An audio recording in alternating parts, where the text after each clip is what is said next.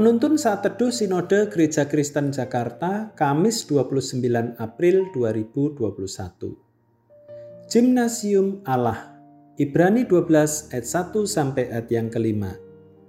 Karena kita mempunyai banyak saksi bagaikan awan yang mengelilingi kita, marilah kita menanggalkan semua beban dan dosa yang begitu merintangi kita dan berlomba dengan tekun dalam perlombaan yang diwajibkan bagi kita Marilah kita melakukannya dengan mata yang tertuju kepada Yesus yang memimpin kita dalam iman dan yang membawa iman kita itu kepada kesempurnaan yang dengan mengabaikan kehinaan tekun memikul salib ganti sukacita yang disediakan bagi dia yang sekarang duduk di sebelah kanan tahta Allah.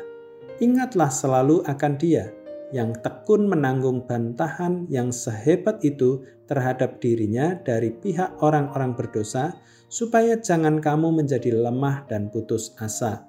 Dalam pergumulan kamu melawan dosa, kamu belum sampai mencucurkan darah, dan sudah lupakah kamu akan nasihat yang berbicara kepada kamu seperti kepada anak-anak? Hai anakku, janganlah anggap enteng didikan Tuhan, dan janganlah putus asa apabila engkau diperingatkannya. Siapa yang suka ngejim? Tentu mereka yang mau hidup sehat. Mereka akan berlelah-lelah untuk latihan fisik. Misalnya angkat beban untuk memperkuat otot lengan dan otot tangan. Berlari di treadmill untuk melatih pernafasan dan melancarkan sistem peredaran darah. Bagaimana memperoleh hasil yang maksimal saat ngejim? Jika kurang beban, maka kesehatan tubuh tidak maksimal. Sebaliknya, jika terlalu banyak beban, maka kita bisa mati. Jadi saat nge-gym, kita membutuhkan pelatih. Pelatih yang baik tidak akan membuat tubuh kita terlalu lelah, tapi juga tidak berlatih terlalu sedikit. Ia memberikan latihan dalam jumlah yang tepat. Penulis Alkitab benar ketika mengatakan penderitaan itu menyakitkan sementara, tetapi memberi hasil kemudian.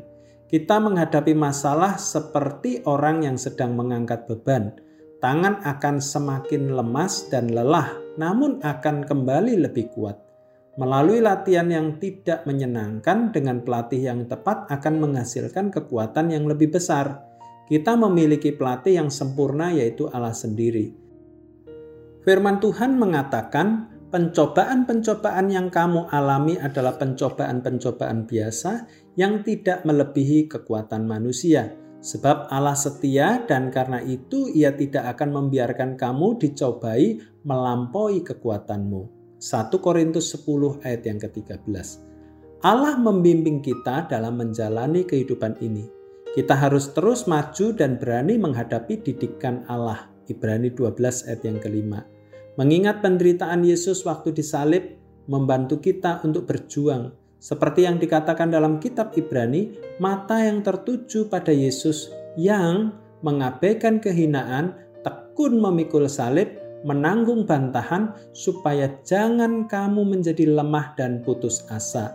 Ibrani 12 ayat 2 sampai 3. Mata yang tertuju pada Yesus yang memampukan kita untuk berfungsi dalam gimnasium Allah itu yang mengenyahkan sikap mengasihani diri karena kita melihat apa yang telah dia tanggung bagi kita dengan tekun.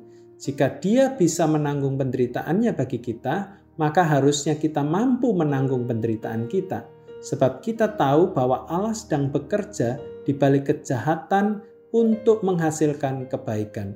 Jika berfokus pada Yesus, maka kita akan melalui penderitaan itu dengan damai Penderitaan membuat kita menjadi semakin kuat dan tangguh. Kristus telah disalibkan dan bangkit. Kini melalui rohnya berjalan di samping kita di dalam penderitaan kita. Tuhan Yesus memberkati.